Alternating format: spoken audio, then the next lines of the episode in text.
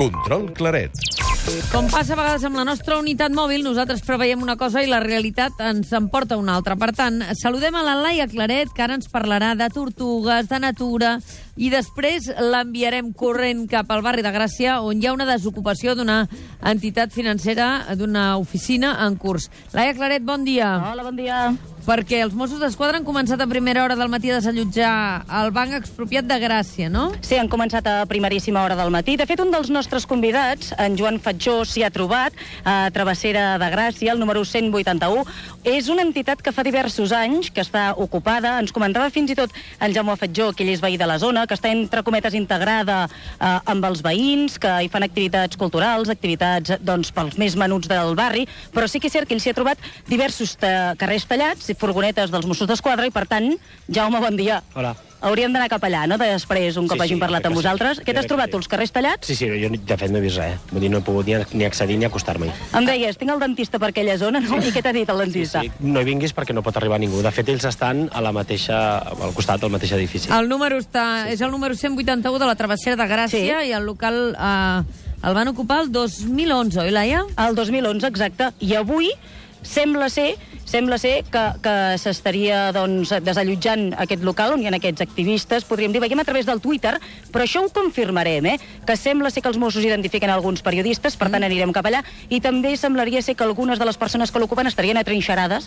dins d'aquesta entitat financera. Però vaja, tot això ho comprovarem d'aquí pocs minutets que anirem cap a Travessera de Gràcia. Magnífic, Laia. Però abans eh, parlem del que havíem vingut a parlar. Des d'aquest divendres i fins al 5 de juny se celebra la Setmana de la Natura i, per tant, tots els que ens esteu sentint hi trobareu activitats arreu del país per viure la terra, per conservar la natura. Precisament aquest matí que dos ports senglars circulaven per la Diagonal escortats per dos cotxes eh, de la Guàrdia Urbana, eh, Laia? Ens ho ha explicat la Marta Romagós avui al somriure del dia i ho parlarem, això també. Què passa amb els ports senglars? Tenim més por dels ports senglars del la que realment hem de tenir o no? Mm, En parlarem ara tot seguit. Mira, estic al costat de la Irene Cervera. Sí. Ella és presidenta de l'associació Animal Latitude, que participa aquí a la Setmana de la Natura, que per això som aquí, ens hem avançat aquesta Setmana de la, de la Natura que comença el 27, i ens centrem, vaja, el seu projecte se centra en l'educació i sensibilització medioambiental. Nosaltres som a tocar de la Sagrada Família, la veig ara mateix, re, a uns 50 metres, i som al costat d'un estany que hi ha a la plaça de Gaudí. En aquest estany m'han dit, si podria deixar perfectament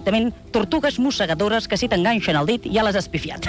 Irene, bon dia. Hola, bon dia. Quines espècies exòtiques podríem dir que hi ha a la ciutat de Barcelona? Perquè el vostre projecte de la Setmana de, de la Natura és precisament això, no? Mostrar els animals que hi ha a la ciutat. Quines, quines espècies, doncs això, no? Que, que, que veiem a la ciutat, diríem, aquestes són exòtiques. Sí, exòtiques, així com la tortuga mossegadora que tu deies, també trobem la, la tortuga de Florida, que és la, la més reconeguda, potser. Evidentment, les cotorres argentines. També trobem rosegadors com conills, per exemple, darrere l'estació de França, coballes abandonades, rates de laboratori blanques, que hi ha una gran població a Montjuïc, per exemple, granotes africanes... Bueno, De tot una mica, no? Ah, ah, em deies, moltes vegades no tenim la percepció, o els nanos joves no tenen la percepció que siguin animals exòtics, eh? Em deies, a vegades em diuen, no, si les cotorres són a Barcelona, i és això, no? Sí, evidentment, el, els, els més menuts han, han viscut ja amb animals que estan introduïts a la ciutat. I per ells, doncs, és igual que un colom o qualsevol altre animal que podria ser autòcton, no? Ells, D'una cotorra argentina, sí, és de Barcelona. Jaume Batjó, tu ets veterinari i etòleg, que és la ciència que estudia el comportament animal, director de la càtedra de la Fundació Affinity. Um, um, per què la gent deixa les tortugues dins els estanys com aquests? Per exemple, la, tenim la percepció que els fem un bé a les tortugues? Si la gent no té... Moltes vegades adopta l'animal, després se n'adonen de que no, o, no, o no el poden tenir, o no se'n poden fer càrrec, o no és allò que ells esperaven, o ho van fer com, un, com una cosa passatgera, i després el que pensen, tenim aquella idea de que bueno, els tornem a la natura i ells ja...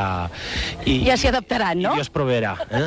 doncs, i, el que passa, I el que passa és que, clar, eh, qualsevol espècie té un equilibri molt, molt fi amb el seu ecosistema, que no és precisament l'ecosistema que tenim a dins d'una ciutat. Per tant, això de deixar les tortugues aquí, qui en tingui casa, nois, no ho estem fent bé. Parlem dels senglars, va. Si ens trobem un senglar per la ciutat, què hem de fer? Realment tenim molta por dels senglars, perquè eh, realment han causat no, problemes, però quina probabilitat tenim que ens ataquin?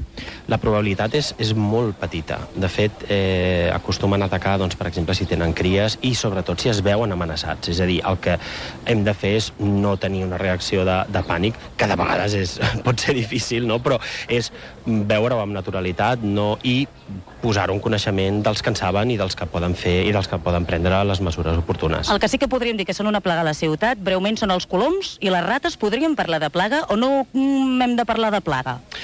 Saps què ens passa? Mira, el colom jo et diria que és la, el, el, el, millor exemple, no? perquè el colom en pràcticament 100 anys ha canviat la percepció.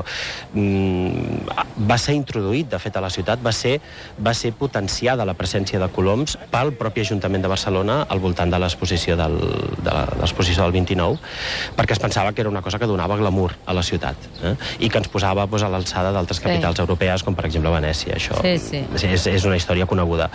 Però què passa? Que ara tenim un problema, o en un moment determinat hi ha un problema de sobrepoblació, perquè no hem d'oblidar que al nostre ecosistema doncs, li manquen coses, com pot ser, per exemple, un depredador natural. Llavors, l'equilibri també entre el número d'individus que viuen a l'ecosistema que trobaries en un espai natural no el tens. Breument, Irene, per acabar, eh? Què hem de fer si ens trobem amb un animal exòtic a la ciutat de Barcelona? On hem de trucar? Vaja, tot això en parlareu, eh? Durant la Setmana de la Natura, aquests tallers que feu, però pels oients que no hi puguin assistir, què hem de fer si ens trobem un animal exòtic? Trucar al 112. Truques al 112, demanes... Bueno, vindran els agents rurals i ells ja derivaran aquest animal al centre de recuperació o organització que, que pertoqui. Doncs ja ho saps, Mònica, tot d'activitats del 27 al 5 de juny a la Setmana de la Natura. El recorregut que han fet aquests dos ports senglars que han acabat avui a la Diagonal escortats per dos, per dos cotxes de la Guàrdia Urbana. Gràcies a tots. Fins demà. Adéu, bon dia. Cap a Gràcia, Laia. Sí, sí, a veure sí. si podem parlar abans de les 12.